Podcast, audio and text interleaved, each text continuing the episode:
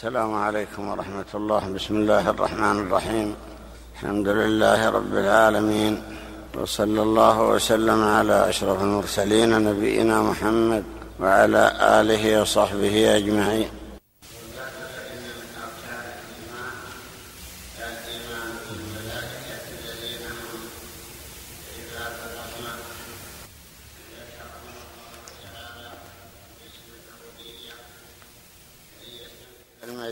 أن يكون عبدا لله ولا الملائكة الذين هم عبيد الرحمن الذين خلقهم لعباده لعباده وصفهم في هذه الآية بالقرب ولا الملائكة المقرب. ثم خلقهم الله تعالى على هيئة وخلقة لا نعلمها. أي كيفية خلقتهم بحيث أن لا نراهم وهم يروننا. وقد وكل الله تعالى الملائكة بحفظ بني آدم ووكلهم بكتابة الأعمال. لكل إنسان ملكان يكتبان أعماله أي ملك الحسنات وملك السيئات. يقول تعالى ما يلفظ من قول إلا لديه رقيب عتيد. وهذا بلا شك يحمل كل مسلم على أن يتثبت في الأعمال. يكثر من الحسنات يعلم أنها تكتب ويقلل من السيئات أو يبتعد عن عملها يعلم أنها تكتب حتى كلماته وحديث قلبه وعمل بدنه. كل ذلك يكتبه الملكان كما في قول الله تعالى وإن عليكم لحافظين كراما كاتبين يعلمون ما تفعلون. هكذا وصفهم الله بأنهم حافظون وبأنهم كرام. على الله تعالى لما رتبتهم ولشرفهم وفضلهم وأنهم كاتبون.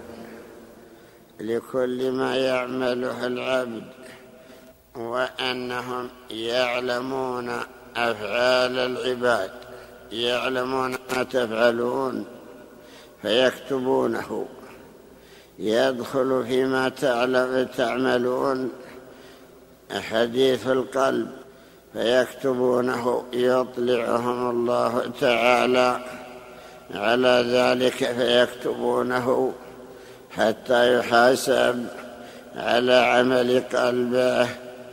وعلى قول لسانه وعلى أعمال جوارحه يجد ذلك كله مكتوبا. دليل ذلك قول النبي صلى الله عليه وسلم إذا هم العبد بحسنة فلم يعملها فاكتبوها له حسنة. يقول الله للملائكة إذا هم عبدي بحسنة فلم يعملها فاكتبوها له بمعنى أنه تركها لعذر أو لعجز. وإذا هم بسيئة فلم يعملها فاكتبوها له حسنة. ويقول الله إنما تركها من جراء أي تركها خوفا من الله. الهم حديث قلب ومع ذلك يكتبونه. حديث القلب الذي يحدث الإنسان بقلبه أنه سوف يعمل كذا ومع ذلك لا يعمله. يطلع الله الملائكة على عمله فيكتبونه. في سجل الحسنات أو السيئات. على حسب ما يقوم بقلبه. كذلك الملائكة الموكلون بحفظ بني آدم إلا عن المقدر. ودليل ذلك قوله تعالى قوله يحفظونه من أمر الله. أي الملائكة أي يحفظونه بأمر الله.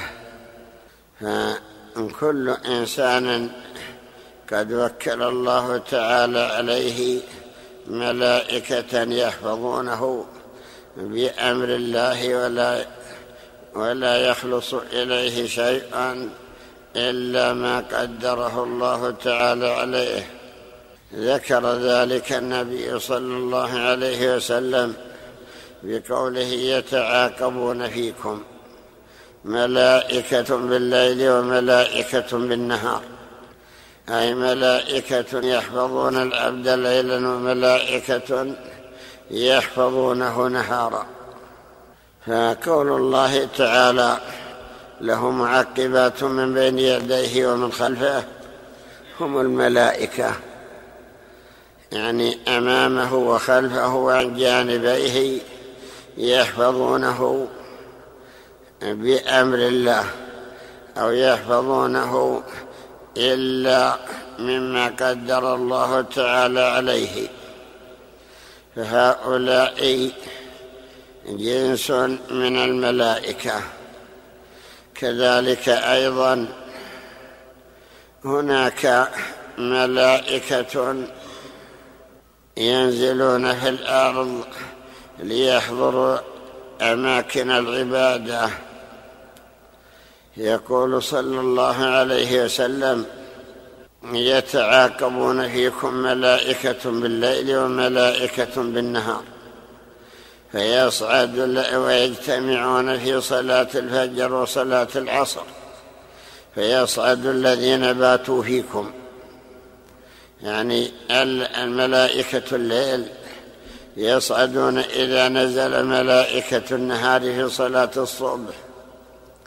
فيسألهم ربهم فيقولون أتيناهم وهم يصلون وتركناهم وهم يصلون. يعني جاءوا وقت صلاة العصر وصعدوا وقت صلاة الفجر. فهؤلاء هم الذين يحضرون الصلوات. هناك أيضا ملائكة يحضرون أماكن الذكر وهم السياحون. ورد في الحديث أن النبي صلى الله عليه وسلم قال إن لله ملائكة سياحين أي في الأرض فإذا وجدوا قوما يذكرون الله. تنادوا هلموا إلى حاجاتكم فيحفونهم بأجنحتهم إلى السماء. فيسألهم ربهم وهو أعلم منهم. فيقولون جئنا من عباد لك يذكرونك. ويشكرونك ويعبدونك. فيقول الله وهل رأوني؟ قالوا لا والله. هم القوم لا يشقى بهم جليسهم. يعني هذا الذي ليس منهم عادة وإنما جاء لحاجة وجلس معهم وأخذ يستمع ما يذكرون. يستمع ذكرهم لله وتعظيمهم له وذكرهم لآياته وذكرهم لآلائه ونعمه وثناءهم عليه وعبادتهم له تسبيحا وتكبيرا وتحميدا وتهليلا واستغفارا ودعاء ورغبه ورهبة وإنابة وتوبه يعبدونه ويحمدونه فهذا جلس معهم ولا شك أنه في هذه الحال سوف يرق قلبه وسوف يجل قلبه ويقشعر جلده وهكذا أيضا إذا ذكروا الجنة وذكروا ثوابها وما فيها من النعيم. واخذوا يسالون ربهم أن يجعلهم من أهلها وأن يؤهلهم لذلك الثواب. وهكذا إذا ذكروا النار وذكروا عظمتها وحرارتها وشدتها وما, وما فيها من العذاب والنكال والحميم والغساق عند ذلك تقشعر جلودهم ويسألون ربهم أن يعيدهم من هذا العذاب. فهذا الذي جلس معهم عادة أنه يرق قلبه فيدخل في قول الله تعالى في قوله تعالى في صفة القرآن تقشعر منه جلود الذين يخشون ربهم بالغيب ثم تلين جلودهم وقلوبهم إلى ذكر الله تلين جلودهم وقلوبهم إلى ذكر الله تعالى فهذا آه، نوع من الملائكة. عملهم أنهم يتتبعون حلق الذكر وأنهم يحفظون ما يقولون مع أن الله تعالى عالم بهم وعالم بالذاكرين والذاكرات. كذلك أيضا من الملائكة من وصفوا بأنهم يبلغون محمدا صلى الله عليه وسلم السلام من أمته. يقول إن لله ملائكة يبلغوني من أمتي السلام أي من سلم علي في أطراف الأرض فإن الملائكة يبلغونه حتى يرد عليه السلام. التبليغ ها هنا الإخبار أن فلانا يصلي عليك أو يسلم عليك فيقول عليه السلام. لا يحصي عددهم إلا الله. المسلمون في أطراف الأرض وفي كل ناحية من النواحي كل من صلى عليه وسلم عليه فإن هناك ملائكة يبلغونه صلى الله عليه وسلم من هؤلاء أنهم يسلمون عليك ويصلون عليك. ولذلك ورد أنه صلى الله عليه وسلم قال لا تجعلوا بيوتكم قبورا ولا تجعلوا قبري عيدا وصلوا علي فإن صلاتكم تبلغني حيث كنتم. وفي رواية فإن تسليمكم يبلغني أي أن هناك ملائكة يبلغونه من أمته. من يصلي عليك ممن يسلم عليك وهكذا. ملائكة من جملة الملائكة ساخرهم الله تعالى وأمرهم بهذا الأمر العظيم.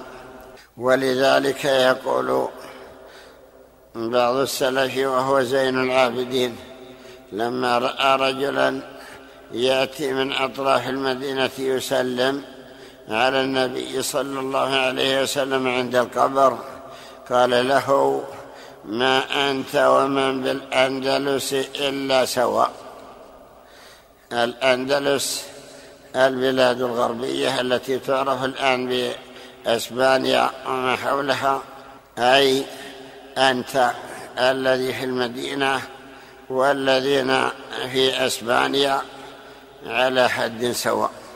من سلم عليه فإنه يصل إليه السلام من قريب أو من بعيد. تبلغه الملائكة السلام والصلاة من أمته. لا شك أيضا أن ملائكة الله تعالى لا يحصي عددهم إلا الله. قال الله تعالى وما يعلم جنود ربك إلا هو. لما نزل عدد خزنة جهنم عليها تسعة عشر انتقد ذلك المشركون وقالوا يزعم محمد أن أهل النار الذين يعذبونكم تسعة عشر وأنتم أكثر القوم. أفلا تنتصرون منهم؟ فيقول ألا يعجز كل مئة, مئة منكم عن واحد. حتى قال واحد منهم أنا أكفيكم عشرة وكوني تسعة. استهزاء. وقال آخر أنا أكفيكم سبعة عشر وكوني اثنين. كل ذلك استهزاء. ما علموا أن الواحد من خزنة النار يقبض الألوف ويلقيهم في النار وأنهم لا يحصي لا يعرفوا قدرهم وعظمتهم إلا الله تعالى. ولذلك قال تعالى وما جعلنا أصحاب النار إلا ملائكة وما جعلنا عدتهم إلا فتنة للذين كفروا. ذكر عدتهم بالتسعة عشر فتنة للذين كفروا. ليظهر من يصدق ومن يكذب ثم قال تعالى في آخر الآية وما يعلم جنود ربك إلا هو وما هي إلا ذكرى للبشر. جنود ربك من الملائكة لا يحصي عددهم إلا الله فهو سبحانه الذي خلقهم وهو الذي سخرهم ولا يحصي عددهم إلا هو عددهم كثير. مر بنا قوله صلى الله عليه وسلم أطت السماء وحق لها أن تأط. ما فيها موضع أربع أصابع إلا وفيه ملك قائم أو راكع أو ساجد. الأطيط هو صوت الرحل إذا كان عليه حمل ثقيل. الرحل هو الأعواد التي تجعل على ظهر البعير أشدة أو مسام أو نحوها إذا كان الحمل ثقيلا على البعير فإنه يسمع له أطيط وأزيز من ثقل ذلك الحمل. فشبه صلى الله عليه وسلم ثقل السماء بالملائكة بهذا الأطيط أطت السماء. وحق لها أن تأط أي لكثرة من عليها من الملائكة ممن لا يحصي عددهم إلا الله. ما بين راكع أو ساجد أو قائم أو قاعد يعبدون الله تعالى ويسبحونه ويحمدونه ويكبرونه. هذا مصداق قوله تعالى وما يعلم جنود ربك إلا هو.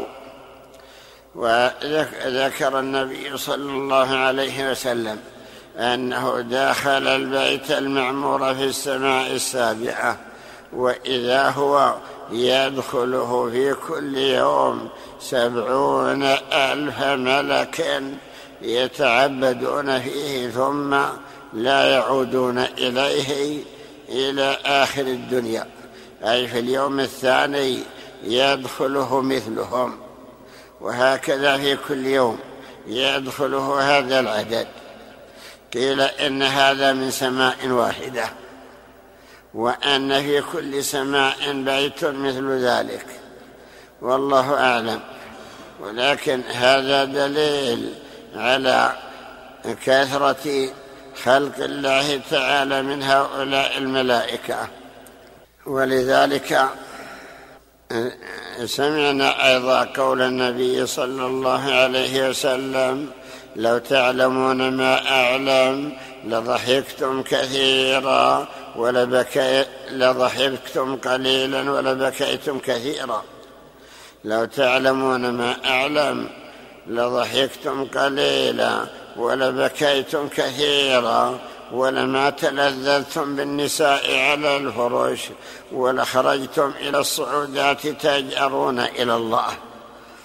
وذلك لأنه صلى الله عليه وسلم أطلعه الله تعالى على أهوال الآخرة وكذلك على أحوال الملائكة وعددهم وكثرة عباداتهم وخوفهم من الله وتعظيمهم له وتسبيحهم وتكبيرهم وتهليلهم وما يتقربون به فأخبر بأنكم تحتقرون أعمالكم ولو عملتم ما عملتم إذا رأيتم عبادة الملائكة ودعاءهم وتسبيحهم وتكبيرهم فإنكم تحتقرون أعمالكم وتتصفون بهذه الصفات. لا تضحكون إلا قليلا لضحكتم قليلا ولبكيتم كثيرا.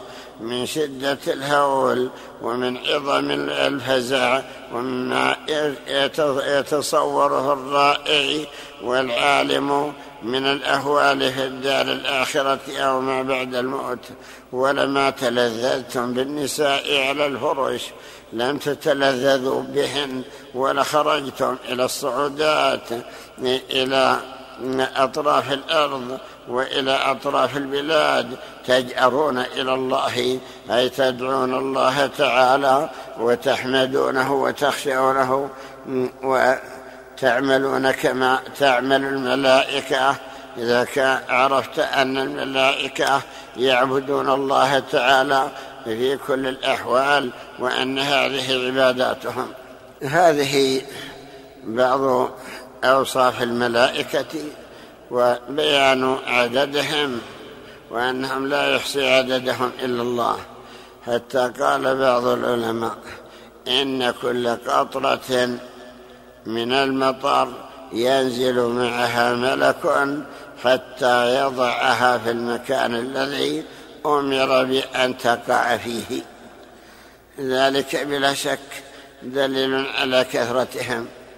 وذلك لا تصل إليه أفهام البشر تقصر علومنا وتقصر أفهامنا عن أن نتصور ما هم عليه وعن أن نتصور كيفيتهم ومن أي شيء ماهيتهم ولكن نتحقق أنهم مخلوقون وأن الله تعالى أعطاهم القدرة على التشكل. ولذلك فإن الملك ملك الوحي يتشكل ينزل تارة في صورة في صورة بشر في صورة دحية الكلب ونحوه وتارة يتمثل بصورة أعرابي أو ما أشبه ذلك. ومع ذلك فإنه لا يمكن رؤيته رؤيتنا له على هيئته التي خلق عليها. ولذلك لما أن المشركين تشددوا وطلبوا أن ينزل ملك. قال الله تعالى وقالوا لولا أنزل عليه ملك. ولو أنزلنا ملكا لقضي الأمر ثم لا يرجعون. ثم ويقول ثم قال ولو جعلناه ملكا لجعلناه رجلا وللبسنا عليهم ما يلبسون. فهم تكلفوا لماذا لم ينزل ملك من السماء علينا؟ أخبر تعالى بأن الله تعالى لو أنزل ملكا لقضي الأمر. ثم لا يؤخرون بل يعاجلون بالأمر يعاجلون بالعقوبة. ثم أخبر بأنهم لا يقدرون على أن ينظروا إلى الملك. فلا بد أن الله تعالى يجعله في صورة بشر. يقول الله تعالى أيضا عنهم وقالوا لولا يقول تعالى وقالوا أبعث الله بشرا رسولا. ثم قال قل لو كان في الأرض ملائكة يمشون مطمئنين لنزلنا عليهم من السماء ملكا رسولا. أي أن الملك يصير مرسلا إلى الملائكة. وأما البشر فإن الله يرسل إليهم بشرا مثلهم يتمكنون من مخاطبته ومن رؤيته ومن معرفته ومعرفة ما يبلغه حتى يتم التمكن. هذه سنة الله تعالى في خلقه. هذا مما يؤمن به المسلم. يتحقق أن ما أخبر الله به وأخبر به النبي صلى الله عليه وسلم من أمر الملائكة أنه من الأمور الغيبية التي يؤمن بها وإن لم يصل إلى تصورها قلبه وفهمه. الآن نستمع إلى القراءة. بسم الله الرحمن الرحيم. الحمد لله رب العالمين. الصلاة والسلام على أشرف المرسلين نبينا محمد وعلى آله وصحبه أجمعين. قال رحمه الله تعالى حدثنا أبو العباس الهروي قال حدثنا محمد بن عبدة بن سليمان قال حدثنا حدثني أبي عن محمد بن إسحاق عن الفضل بن عيسى عن عمه يزيد بن, بن أبان الرقاشي. عن أنس بن مالك رضي الله عنه قال سمعت النبي صلى الله عليه وسلم يقول أمرت أن أحدث عن ملك في السماء ما بين عاتقه إلى منتهى كطي كطيران ملك سبعمائة عام. وما يدري أين ربه فسبحانه. قال حدثنا أحمد بن روح البغدادي قال حدثنا محمد بن إدريس قال حدثنا عبد الله بن محمد الطرسوسي. قال حدثنا سفيان عن ابن المبارك عن ابن جريج رحمه الله تعالى قال ملكان أحدهما عن يمينه يكتب الحسنات وملك عن يساره يكتب السيئات. فالذي عن يمينه يكتب بغير شهادة من صاحبه والذي عن يساره لا يكتب إلا عن شهادة من صاحبه. إن قعد فأحدهما عن يمينه والآخر عن يساره. إن مشى فأحدهما أمامه والآخر خلفه. وإن رقد فأحدهما عند رأسه والآخر عند رجليه. وقال ابن المبارك رحمه الله تعالى وكل به خمسة أملاك ملكان بالليل وملكان بالنهار يجيئان ويذهبان. وملك خامس لا يفارقه ليلا ولا نهارا.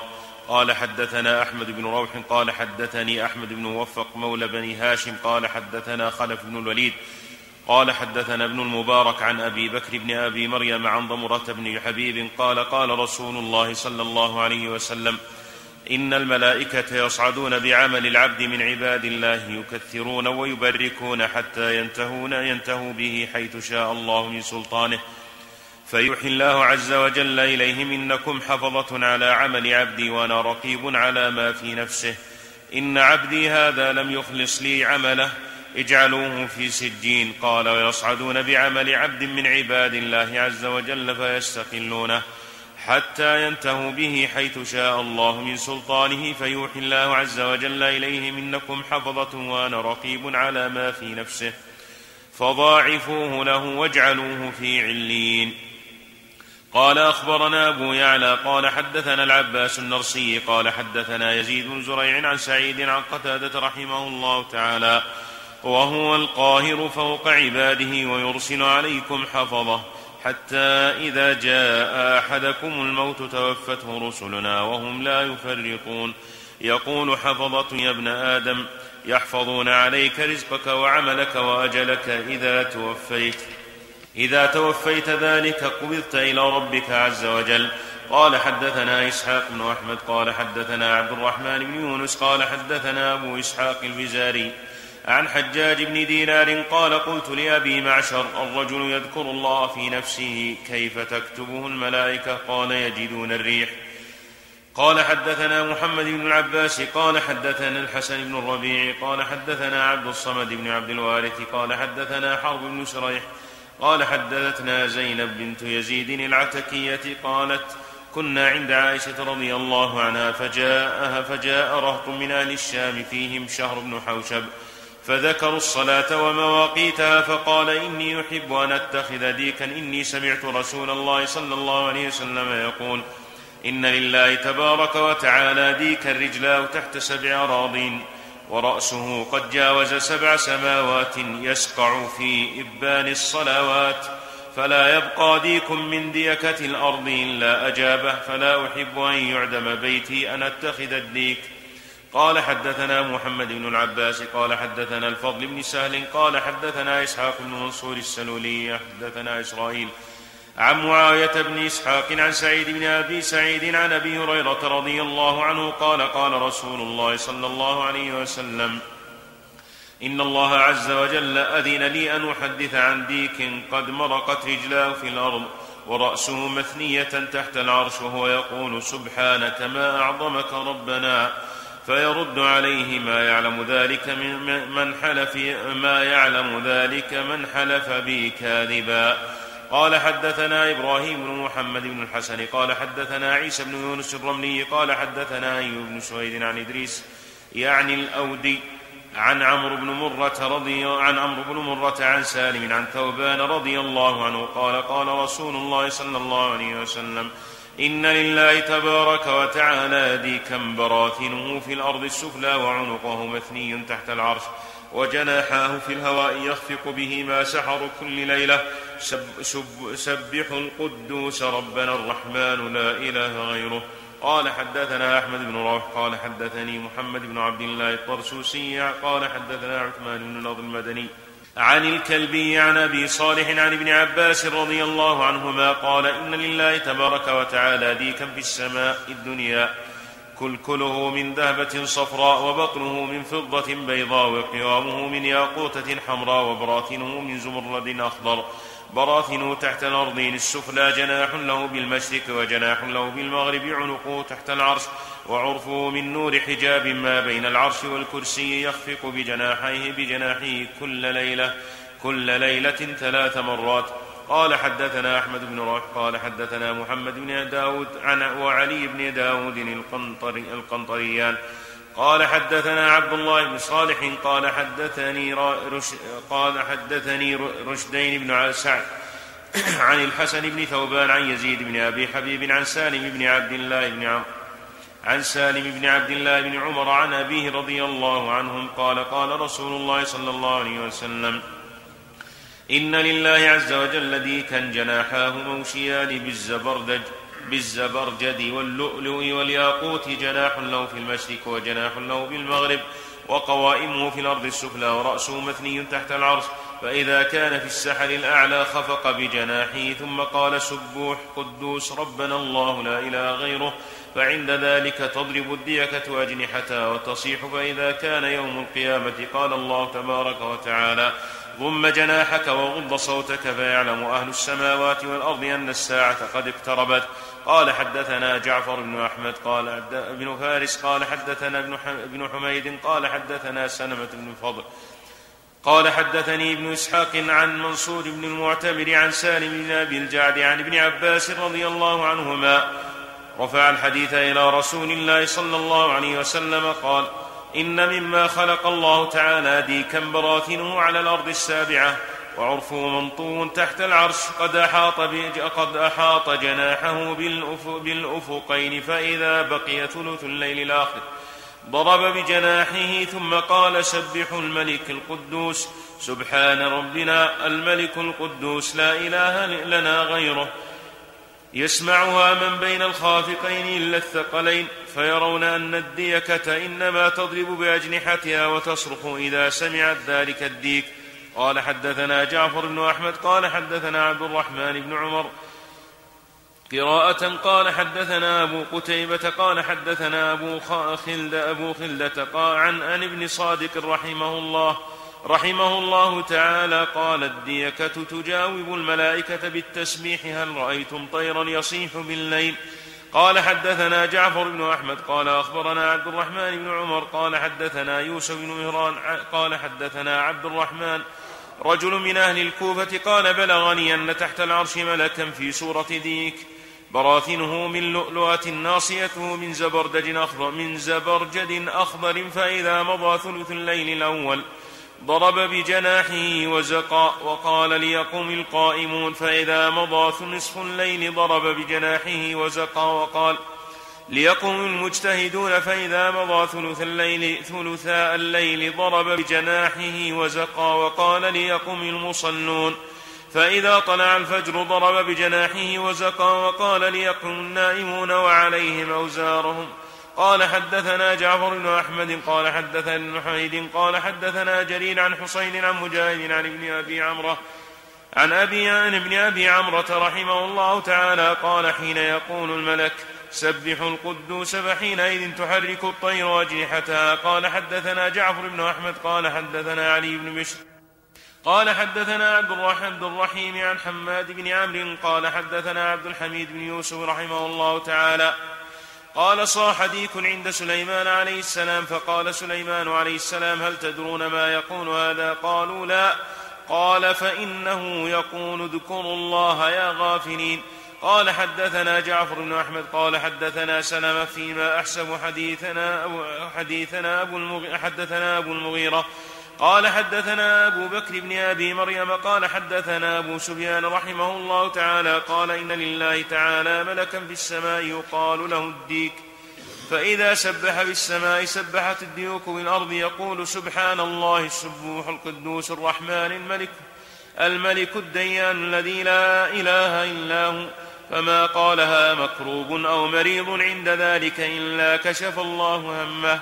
قال حدثنا الوليد بن أبان قال حدثنا علي بن الحسن الهسنجاني قال حدثنا إسحاق الفروي قال حدثنا عبد الملك بن قدامة الجمحي عن عبد الرحمن بن عبد الله بن ديران عن أبيه عن ابن عمر رضي الله عنهما أن عمر بن الخطاب رضي الله عنه جاءه الصلاة قائمة. ونفر ثلاثة جلوس أحدهم أبو جحش الليثي فقال قوموا فصلوا مع رسول الله صلى الله عليه وسلم فقام اثنان. وأبى أبو جحش أن يقوم معه فقال له عمر رضي الله عنه قم فصل يا أبا جحش مع النبي صلى الله عليه وسلم فقال لا أقوم حتى يأتيني رجل هو أقوى مني ذراعين وأشد مني بطشا فيصرعني ثم يدس وجهي في التراب قال عمر رضي الله تعالى عنه فقمت إليه وكنت أشد منه ذراعين وأقوى بطشا فصرعته ثم دسست وجهه في التراب فأتى علي عثمان رضي الله عنه فجرني عنه فخرج مغضبا حتى انتهى إلى النبي صلى الله عليه وسلم فلما رأى الغضب في وجهه قال ما أرى بك؟ ما أرى بك يا أبا حفص؟ فأخبره عمر رضي الله تعالى عنه فقام فقال النبي صلى الله عليه وسلم لوددت أنك كنت آتيتني برأس الخبيث فقال عمر رضي الله عنه توجه فلما قام ناداه النبي صلى الله عليه وسلم فقال اجلس أخبرك يغنينا الرب عن صلاة أبي جحش. إن لله تبارك وتعالى في سمائه ملائكة خشوع لا يرفعون رؤوسهم حتى تقوم الساعة. فإذا قامت الساعة رفعوا رؤوسهم ثم قالوا ربنا ما عبدناك حق عبادتك وإن لله عز وجل في سماء الثانية. ملائكة سجود لا يرفعون رؤوسهم حتى تقوم الساعة. فإذا قامت الساعة رفعوا رؤوسهم وقالوا سبحانك ما عبدناك حق عبادتك. وإن لله عز وجل في سمائه الثالثة ملائكة الركوع لا يرفعون رؤوسهم حتى تقوم الساعة فإذا قامت الساعة رفعوا رؤوسهم وقالوا ما عبدناك حق عبادتك. فقال عمر رضي الله عنه وما يقولون يا رسول الله قال أما أهل السماء الدنيا فيقولون سبحان ذي الملك سبحان ذي الملك والملكوت. وأما أهل السماء الثانية فيقولون سبحان ذي العزة والجبروت. وأما أهل السماء الثالثة فيقولون سبحان الحي الذي لا يموت. قال حدثنا الوليد قال حدثني الحسن بن أحمد بن الليث قال حدثنا عصمة النساء عصمة النسابوري قال حدثنا زيد بن بن الحباب عن محمد بن مسلم عن لوط بن أبي لوط رحمه الله تعالى قال بلغني أن تسبيح أهل أهل أهل سماء السماء الدنيا سبحان ربنا الأعلى والثانيه سبحانه وتعالى والثالثه سبحانه وبحمده والرابعه سبحانه لا حول ولا قوة إلا بالله والخامسة سبحانه محيي الموتى وهو على كل شيء قدير والسادسة سبحان الملك القدوس والسابعة سبحان الذي ملأ السماوات السبع والأراضين السبع عزة ووقا عزة ووقارة. قال حدثنا الوليد قال حدثنا أبو حاتم قال حدثنا عبد الرحمن بن يحيى قال حدثنا الوليد بن مسلم عن عبدة بنت خالد بن معدان عن أبيها قال إن الله إن لله تبارك وتعالى ملائكة صفوف يقول أولهم سبحان الملك ذي, ذي الملك ويقول الذي يليه سبحان ذي العز والجبروت ويقول الذي يليه سبحان الحي الذي لا يموت ويقول الذي يليه سبحان الذي يميت الخلائق ولا يموت فمنهم صفوف وملائكة مصفوفة. بعضها إلى بعض ترعد فرائسهم من خشية الله عز وجل. ما نظر واحد منهم إلى وجه صاحبه ولا ينظر إليه إلى يوم القيامة. قال حدثنا أحمد بن إبراهيم وصاحبه قال حدثنا عبد الله بن محمد بن عبيد قال حدثني محمد بن الحسين قال حدثني قتيبة قال حدثنا قال حدثنا ليس عن خالد بن يزيد عن سعيد بن أبي هلال عن, عن نبيه بن وهب. أن كعب الأحبار رحمه الله تعالى قال ما من فجر يطلع إلا نزل سبعون ألف ملك من الملائكة يحفون بالقبر يضربون بأجنحتهم ويصلون على النبي صلى الله عليه وسلم حتى إذا أمسوا عرجوا وهبط مثلهم فصنعوا مثل ذلك حتى إذا انشقت الأرض خرج من في سبعين خرج في سبعين ألفا من الملائكة يوقرونه صلى الله عليه وسلم تسليما كثيرا. قد علمنا أن الملائكة جند من جنود الله تعالى كما في قوله وما يعلم جنود ربك إلا هو وما هي إلا ذكرى للبشر. وأنه لا يحصي عددهم إلا الله وأنهم ينزلون بأمر الله كما يشاء الله في أي وقت يشاءه كما ذكر نزولهم في القرآن في عدة أي آيات. ففي ليلة القدر قال الله تعالى تنزل الملائكة والروح فيها بإذن ربهم من كل أمر. ورد في بعض الآثار أن الملائكة في تلك الليلة أكثر من عدد الحصى. يحضرون أعمال بني آدم وينظرون إلى عباداتهم وإلى تنافسهم وكذلك أيضا في ليالي شهر رمضان. ورد في بعض الآثار أن في السماء ملائكة لا يحصي عددهم إلا الله. فإذا دخل رمضان استأذنوا ربهم أن يحضروا مع أمة محمد صلاة التراويح. فمن مسهم أو مسوه سعود سعادة لا يشقى بعدها أبدا. يحضرون الصلاة مع المصلين في الليل. صلاة التراويح التي كانوا يصلونها من عهد الصحابة إلى هذا العهد. فمن مسهم أو مسوه أي من مسه أحد منهم أو لمسه أحد منهم وإن كان لا يشعر أو لمسوه سعد حيث أنه حظي بالقرب منهم. كذلك أيضا ما ذكر من عظمة هؤلاء الملائكة الذين ذكر عظمة أفراد منهم.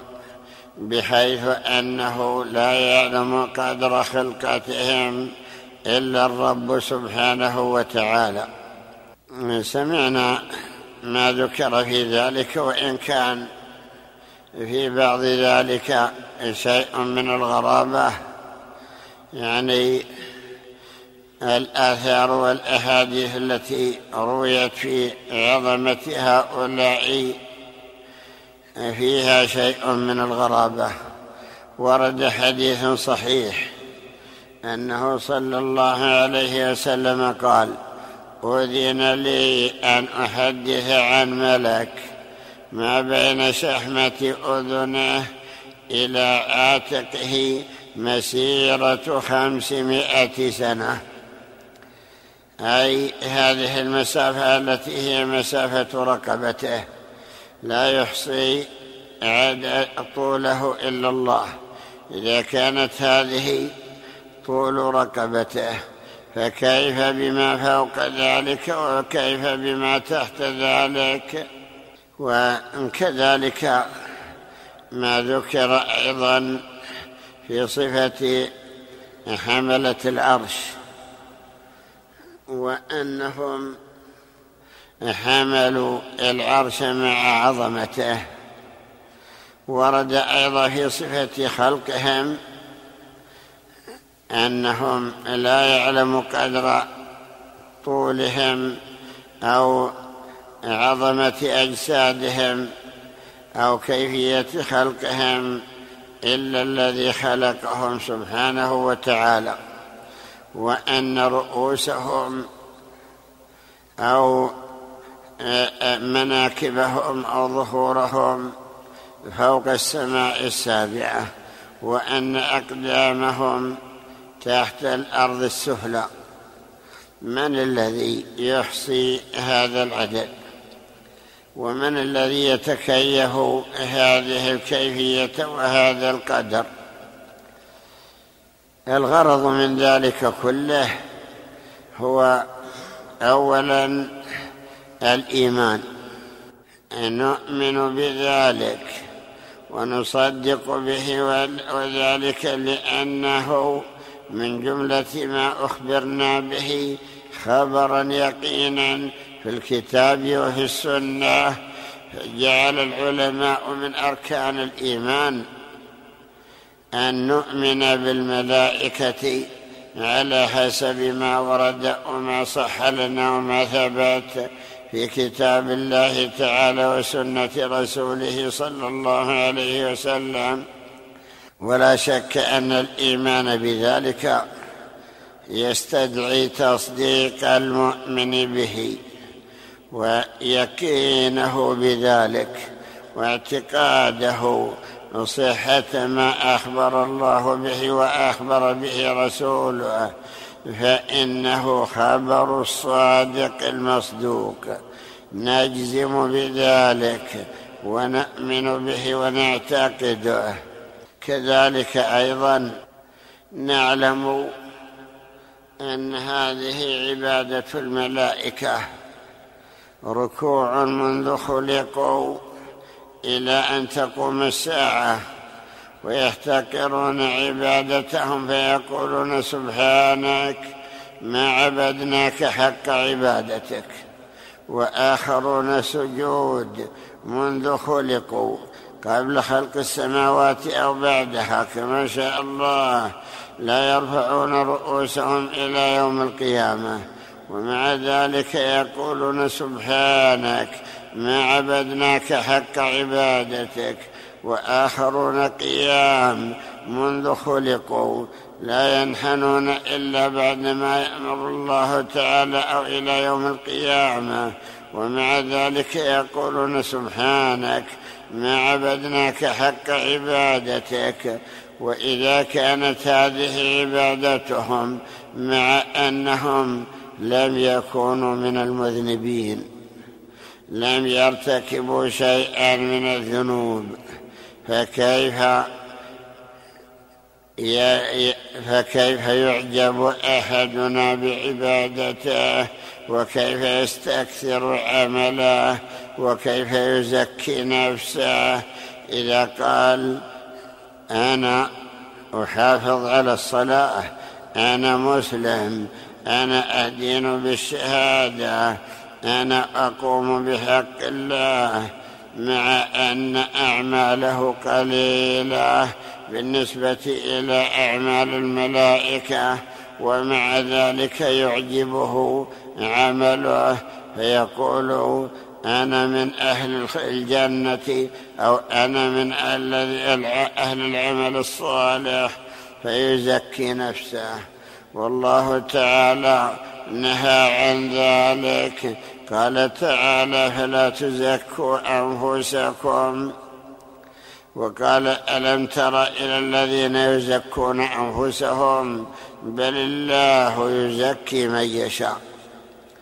إذا رأيت أو سمعت عمل هؤلاء الملائكة الذي قد يعمرون عشرات الألوف من السنين وهم في عبادة.